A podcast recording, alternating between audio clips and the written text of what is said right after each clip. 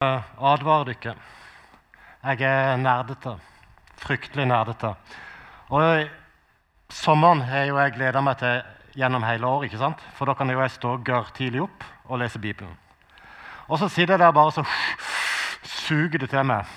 Og så må jeg skrive. Eh, jeg må produsere noen og gjøre det. Så, så i år så var jo målet da å, å lage et bibelgruppeopplegg for, uh, om hvem Jesus er. Og Jeg tok utgangspunkt i Johannes. Tenkte dette her må jo gå greit. Eh, etter fem uker, et ukjent antall timer, iallfall vanvittig mange, så er jeg kommet midtveis i kapittel fem.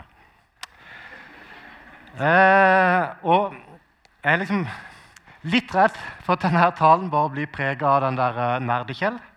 Så, så, jeg håper nå at, at dere klarer å få noe ut av det. Jeg klarer å peke på Jesus. Kjære Jesus, takk at du er midt iblant dere. Takk for at det er så fantastisk å få lov til å samles igjen.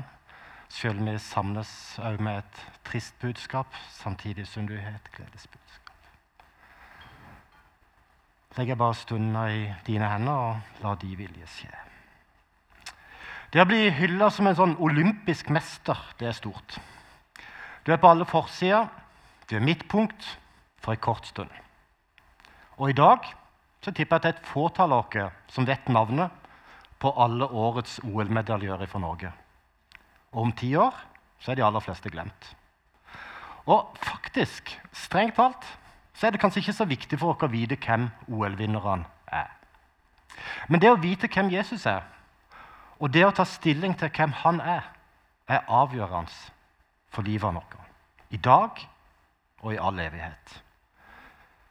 Og det spiller faktisk ingen rolle hvem foreldrene våre tenker han er, vennene våre, folkeopinionen. For navnet Jesus må hver enkelt ta en stilling til. Jesus han spør først disiplene om hvem sier folk at jeg er. Før han spør hvem sier dere at jeg er. Og Teoriene er mange. Kanskje en stor profet? Men så er jo motstanderne begynt å murre. Altså, hallo! Drive og helbrede på en søndag, det er det jo seks andre dager til. Eller tilgi synde. Det skal jo ikke skje her. Det skal jo gjøres i tempelet, i ordna former. Og så kommer Peter. Jesus er Guds sønn, frelseren, Messias, han som de venter på. Spørsmålet er akkurat like relevant i dag. Hvem sier dere at jeg er? Og det å bruke navnet Jesus det kan nesten være en sånn partykiller. For dette, det er så lett å preke om kristne, det er lett å preke om kirka, om noe stort rundt dere. Men når vi tar fram navnet Jesus, så skjer det noe med dynamikken i rommet. Og så har vi begynt å snakke om min Jesus? Eller Jesus sånn som jeg ser han? Eller eh, Jesus sånn som jeg forstår han? Og så begynner vi å lage noen sånne egne subjektive bilder av hvem er denne Jesus. Og så plukker vi det vi liker, og så legger vi til side det vi ikke er så glad i. Og så begynner vi å forme en Jesus som kanskje kan passe inn. En litt sånn ufarlig, kjærlig, snill person som vil alle vel. En som går stille i døra. En som vi kan huske nær. Og så begynner vi å vingeklippe Jesus, sånn at han passer inn i vår verden. Men det funker ikke. Vi må ta stilling til hvem Bibelen forteller oss at Jesus er. Og Jesusvekkelsen på 70-tallet fantastisk tid. Krik, Holy Riders, Skjærgårds oase. Alle sammen født i 1980 som resultat av Jesusvekkelsen. Kristne ble satt fri fra mennesker skapte lover og regler. Vi kunne gå på Skjærgårds og synge full hals til tone, rytme og instrument som vi likte. Krik gjorde at vi kunne få lov til å bruke idrettstalentene våre til ære Gud. Holy Riders gjorde at det var lov å sette seg på og kjenne full frihet på en motorsykkel, tohjuling og frese rundt i Guds frie natur. samtidig som det åpner dørene til et miljø som var lukka, som trengte Jesus. Oase starta med et Helligånd-møte i storsalen. og Noen tenker at det falt kanskje tunga ned, og det ble heftig. Men det som skjedde, det var at folk ble grepet av Jesus og måtte gjøre bot. Og de måtte be om tilgivelse, og de måtte starte på nytt. Både i eget kristenliv og i relasjonene. De fortalte de som var med på møtet, at eh, på den tida var det jo telefonautomater. Så sto det lang kø utenfor telefonautomatene folk som måtte ringe hjem eller ringe til venner for å få gjort opp. De tørte ikke vente til de kjørte hjem. De måtte gjøre det der og da, for de var så grepet av Jesus. Møtet med Helligånd hadde vist et, ført de tilbake til den første kjærligheten. Det enkleste budskapet av alle. Men det er kjærligheten vist på et kors, frivillig, av Gud i menneskeskikkelse, som vant over djevelens sterkeste våpen døden. Og et møte med Jesus endrer alt. Jeg har lyst til å lese igjen det som uh, Odd Arild las i starten, nemlig prologen fra Johannes 1. I begynnelsen var Ordet. Ordet var hos Gud, og Ordet var Gud. Han var i begynnelsen hos Gud. Alt er blitt til med han. Uten ham er ikke noe blitt til. Og det som ble til i han, var liv, og livet var menneskenes lys. Og lyset skinner i mørket, og mørket har ikke overvunnet det. Ett menneske sto fram, utsendt av Gud. Navnet hans var Johannes. Han kom for å vitne. Han skulle vitne om lyset, så alle skulle komme til tro ved han. Men sjøl var han ikke lyset, men han skulle vitne om lyset.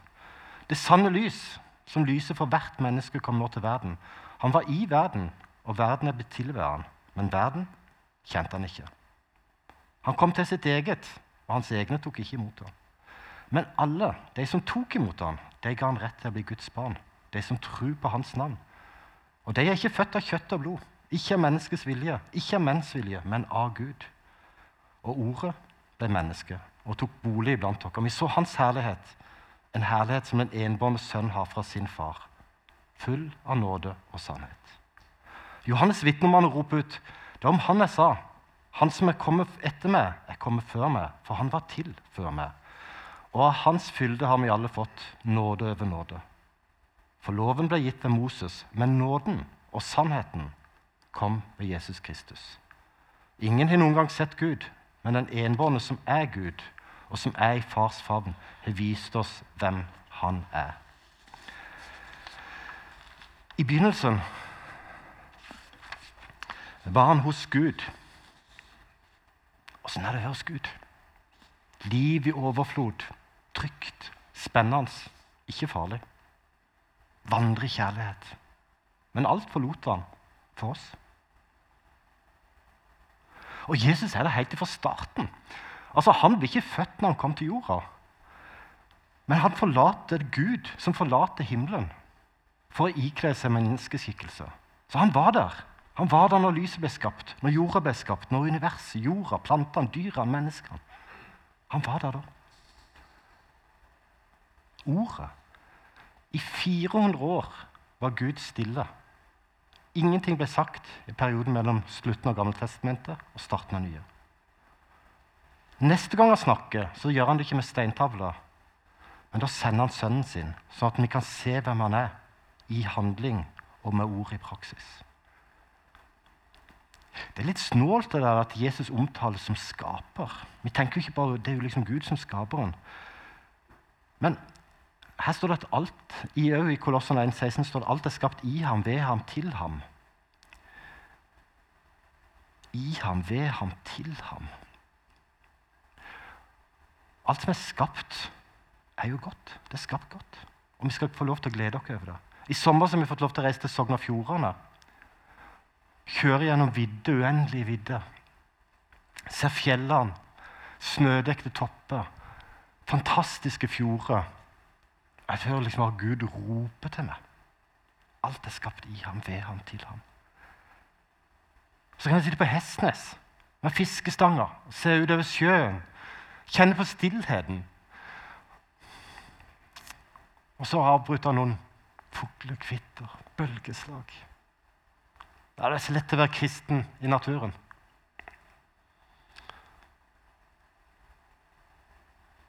Hver eneste dag så finner jeg spor av storheten hans. Alt er skapt i ham, ved ham, til ham. Og livet, det er Jesus som er livgiveren. Det er han som skaper livet. Han gjorde det i Edens hage med hjelp av støv og et ribbein. Han gjør det i Eksekel 37 med et skjelett med kjøtt som får eh, skinn på, og etter hvert så blåses det liv. Men vi har noe helt nytt med Jesus. For med Jesus kommer ikke bare liv, men det evige livet. Og lyset. Et mørke kan aldri overvinne et lys. Selv et bitte lite stearinlys lyser opp i et mørkt rom. Men så er det det med lyset at det avdekker sannheten. Og sannheten er faktisk ikke alltid like hyggelig. I Salme 119 så står det ditt ord er en lykt for min fot og lys for min sti.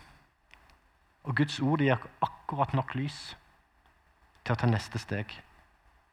Ser ikke helheten, men vi ser ikke så langt foran oss. Men vi ser akkurat nok til neste steg. Og så skal vi reflektere lyset på jorda. Og så blir ordet menneske. Og kan jeg spørsmål, Hvorfor i all verdens land og rike kommer kongenes konge og herrenes herre som et lite barn? Født inn i en familie med skam, med fattigdom. Toppen av karrieren, så rir han på et esel. Han blir trøtt, sulten, harm, lei seg. Han er like fullt 100% Gud, 100 menneske. Jeg kan se han, ta på han, høre han. Gud i bytteadresse. Han er i nabolaget vårt. Han ble ikke tatt godt imot. Det var ikke rom i herberget. Han måtte flykte som baby. Skriftlærde avviste han totalt. Og til slutt så tok vi livet av ham. Men noen, noen trodde.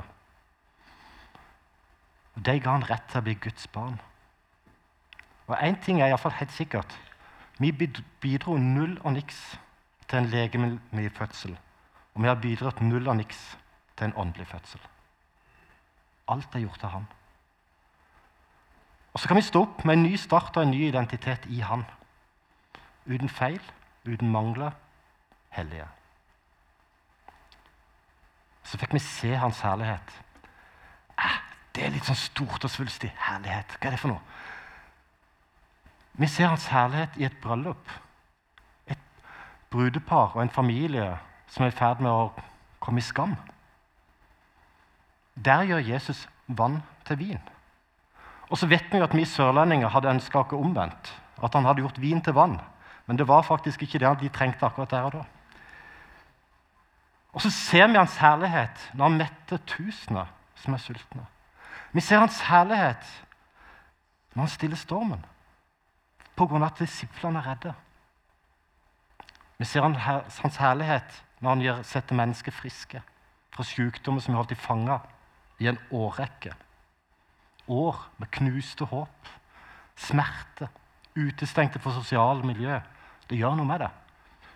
Sjøltilliten forsvinner, håpene knuses. Og Så ser vi hans herlighet når han setter menneskene fri. For noen så er de fri fra onde ånder. For Sakkeus penger og makt. Vi ser hans herlighet når han reiser opp de som ligger nede. De som har falt, uten at noen gidder spørre dem hvorfor de falt. De som det er mye bedre å tråkke ned enn å løfte opp. Vi ser hans herlighet når han irettesetter det som hevder å si det på en sannhet om, om hva som er rett og galt. Men istedenfor å sette menneskene fri, så binder de til et lovisk liv. Og sjøl framstår de som perfekte kristne. Han irettesetter de som ser ned på de som ikke fikser livet sitt. Jeg fikk meg en utrolig lærepenge for noen år siden. Gjennom et TV-program til Egil Svartdal der han begynte å intervjue vanlige mennesker om tro og tvil. Et av programmene handla om uh, en uh, gruppe kvinner som solgte kroppen sin i Oslo. Og For meg så var det veldig mange av de kjente ansikt. Ikke fordi jeg var kunde, men fordi jeg jobba i Norges Bank og gikk forbi dem hver dag. Og jeg må si at jeg så jo ikke direkte opp til disse kvinnene. Eh, det var noen jeg så vekk ifra og så nedpå og tenkte ikke gode tanker. Og Så kommer de på fjernsynsprogram med Egil Svartdal, og så intervjuer han de. Og så intervjuer han de om trua, om håpet de sitt. Og hvem tror dere de hadde som så på som redningsmannen? De klarer ikke å komme seg ut av livet sjøl, men de hadde ei tru som var helt fantastisk. Og de hadde et håp. Det var bare akkurat nå så klarer de ikke å rive seg løs. Og der hadde jeg gått og sett ned på dem.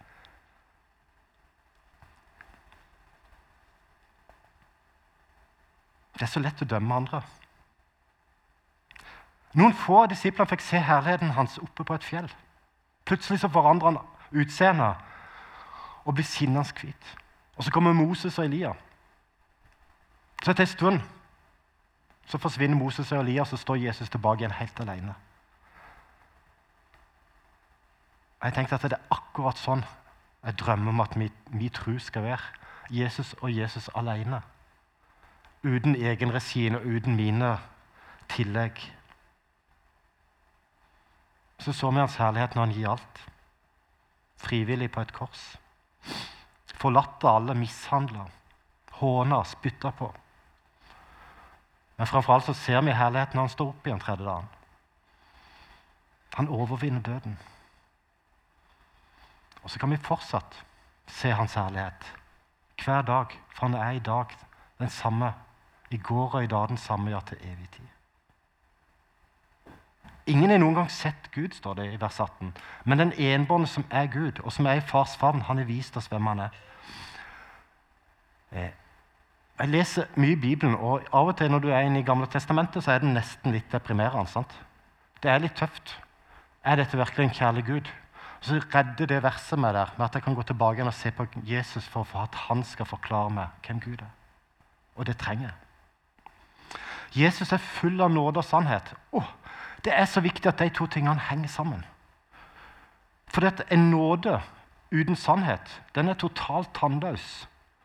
Den forteller at det, det, er ikke så farlig. Det er ikke så nøye med synd. Og et sånt budskap vil aldri kunne sette noen fri. Det er bare en løgn. Og løgner funker ikke. Løgner må dekkes av andre løgner. og Etter hvert så graver du den der inn skikkelig elendighet. Men sannhet uten nåde, den er iskald. Den peker kun på det som er feil i livet ditt, og så trykker den den ned. Og så begynner du å tolke på at det ikke bare er det du gjør som er feil, men det er det du sjøl som er feil. Så det gir oss ingen hjelp. Så nåden og sannheten må alltid gå sammen.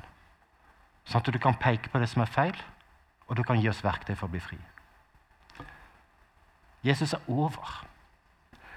I Johannes 3, 31 så står det den som kommer ovenfra, står over alle. Den som kommer fra jorden, er av jorden og taler jordisk. Men han som kommer fra himmelen, står over alle. Små ord har faktisk en betydning. Over er noe annet enn under og ved siden av. Alle er noe annet enn noen og mange. For Jesus er over alle. Han er over foreldre, over ledere, han er over alle lands presidenter og konger. Han er over. Han er over moteindustri, over influensere, over media, over meningene til folk. Over idrettsheltene, over alle lands forsvar. Vet du hva? Han er til og med over bekymringene våre. Bekymringene er nå med valget og motstand mot den kristne. Og Noen er for liberale, noen for loviske. Men Jesus er fortsatt over, han er i kontroll og han er i makt. Jeg synes Det er så oppmuntrende å lese om Hans Nilsen Hauge. Lese om den tida han ble født inn i. Han snur opp ned på Norge med å gå rundt i Norge og strikke og synge. Det er bare at han har et hjerte som er fylt av Jesus, og som han evner å gi videre. Han ekstrem Jesusbegeistring. Og det er så lett å ta av oss og bruke sånn svulstig, svære ord på Jesus. Og det tror jeg vi skal gjøre av og til. Det tror jeg vi trenger. Vi skal ikke sitte og vingeklippe Jesus. Han er over. Og så handler ikke livet med Jesus om kunnskap, men det handler om en relasjon. Og det handler om noe som skjer i oss, med oss, og som forvandler livet vårt. Og det handler om at Jesus som er større enn alt, møter dere i hverdagen. Og så må du gjøre det som er ekstremt vanskelig, nesten umulig, for en som er nerdete som meg. Du skal flytte kunnskapen fra hodet til hjertet og hendene og føttene. Men det er det møtet med Jesus skal endre oss til. Og I Johannes 4, en lang tekst, veldig flott. Les den når du kommer hjem. Men der møter vi Jesus, som møter ei samaritansk kvinne. Jesus står det, han måtte dra gjennom Samaria. Bare tull. Det var ingen jøde som reiste gjennom Samaria frivillig. Men han ikke bare måtte dra gjennom dem, han måtte også dra til en bestemt by, Sykar. For han visste at der er det ett menneske som trenger meg. Og Det var derfor han var kommet. Han var kommet for å søke det som var fortapt. Så når kvinner kommer til brønnen, så sitter Jesus der. Han er der. Akkurat sånn som i vårt liv, så leter vi. Ja, 'Her er du, Jesus?' Roper ut. Men han er der. Han er i oss. Og så er det tre viktige konvensjoner som brytes. En jøde skal ikke snakke med samaritan, for de er fiender. En mann skal ikke snakke med kvinnen, iallfall ikke av enslige. Og en hellig skal holde seg langt unna syndere. For det er det hun er. Det er et skam som preger livet til kvinner. Det er derfor hun kommer til brønnen på det aller, aller, aller, aller varmeste. Når ingen andre er der. For hun orker ikke mer. Orker ikke smalltalken. Orker ikke blikkene. Hun vet om baksnakkinga. Hun vet hva de tenker. Og så skulle hun bare ønske hvorfor ingen spurt meg hvorfor jeg har fem menn. Var det redsel for å være alene? Fattigdom? Behov for bekreftelse? Trygghet? Var hun bare naiv? Eller hva hadde hun vært gjennom som barn? Det er så fint, for Jesus vet nøyaktig åssen han har henne. Og så er han likevel ikke redd for å ta kontakt. Menneskelige konvensjoner, folks meninger eller våre liv hindrer ikke Jesus i å vente på oss og ta kontakt. Og Så setter Jesus lyset på synd i livet hos sitt. Er ikke det rart? At det virker befriende for kvinner. Hun blir takknemlig for at noen forteller hva som ikke helt funker i livet sitt. Kanskje du er båret på noe lenge som preger livet ditt. Så etter en stund så gir du opp. Du har ikke lenger forventning om at det skal bli bra igjen.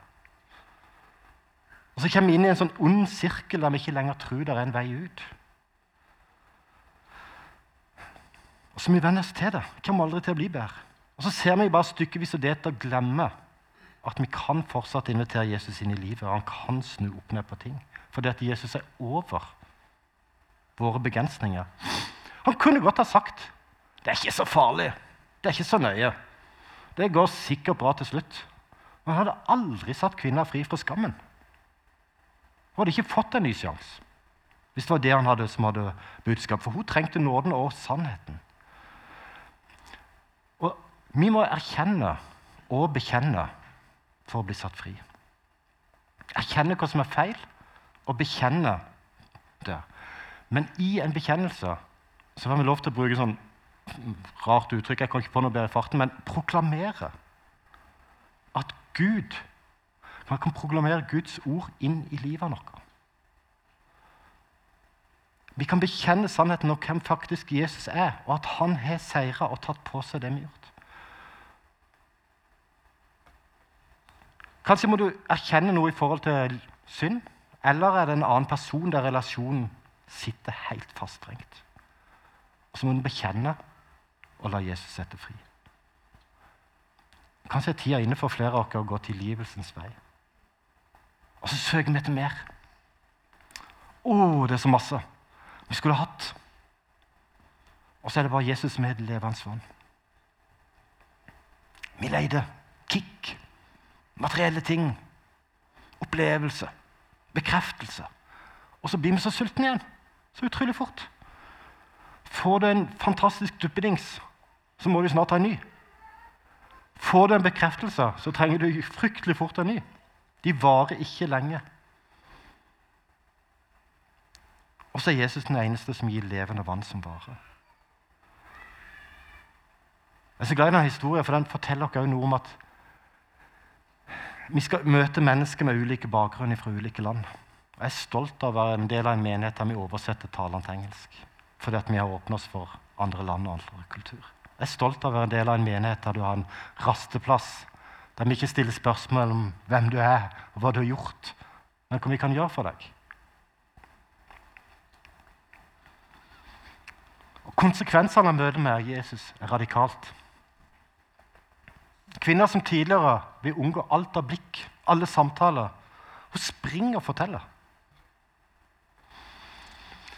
Jesus' begeistring smitter. Og det er jo litt kult å tenke på da, at ei kvinne med lavest tenkelig status i en by blir brukt av Jesus som den første misjonær i Bibelen. Og det funker. Folk kommer strømmende for å se Jesus. Og så står det at det var noen som hadde gått foran og gjort det klart. Og For meg så er det en oppmuntring til, til bønn. Til fortsatt å be og be og be og ikke gi opp. For det er ikke håpløse tilfeller. Hvem sier dere at jeg er? Tar vi stilling til hvem Bibelen forteller oss han er? Eller velger vi å forme han, sånn at han passer inn i tankene våre og livene våre? Jesus møter dere med sannheten, selv om han kan gjøre vondt.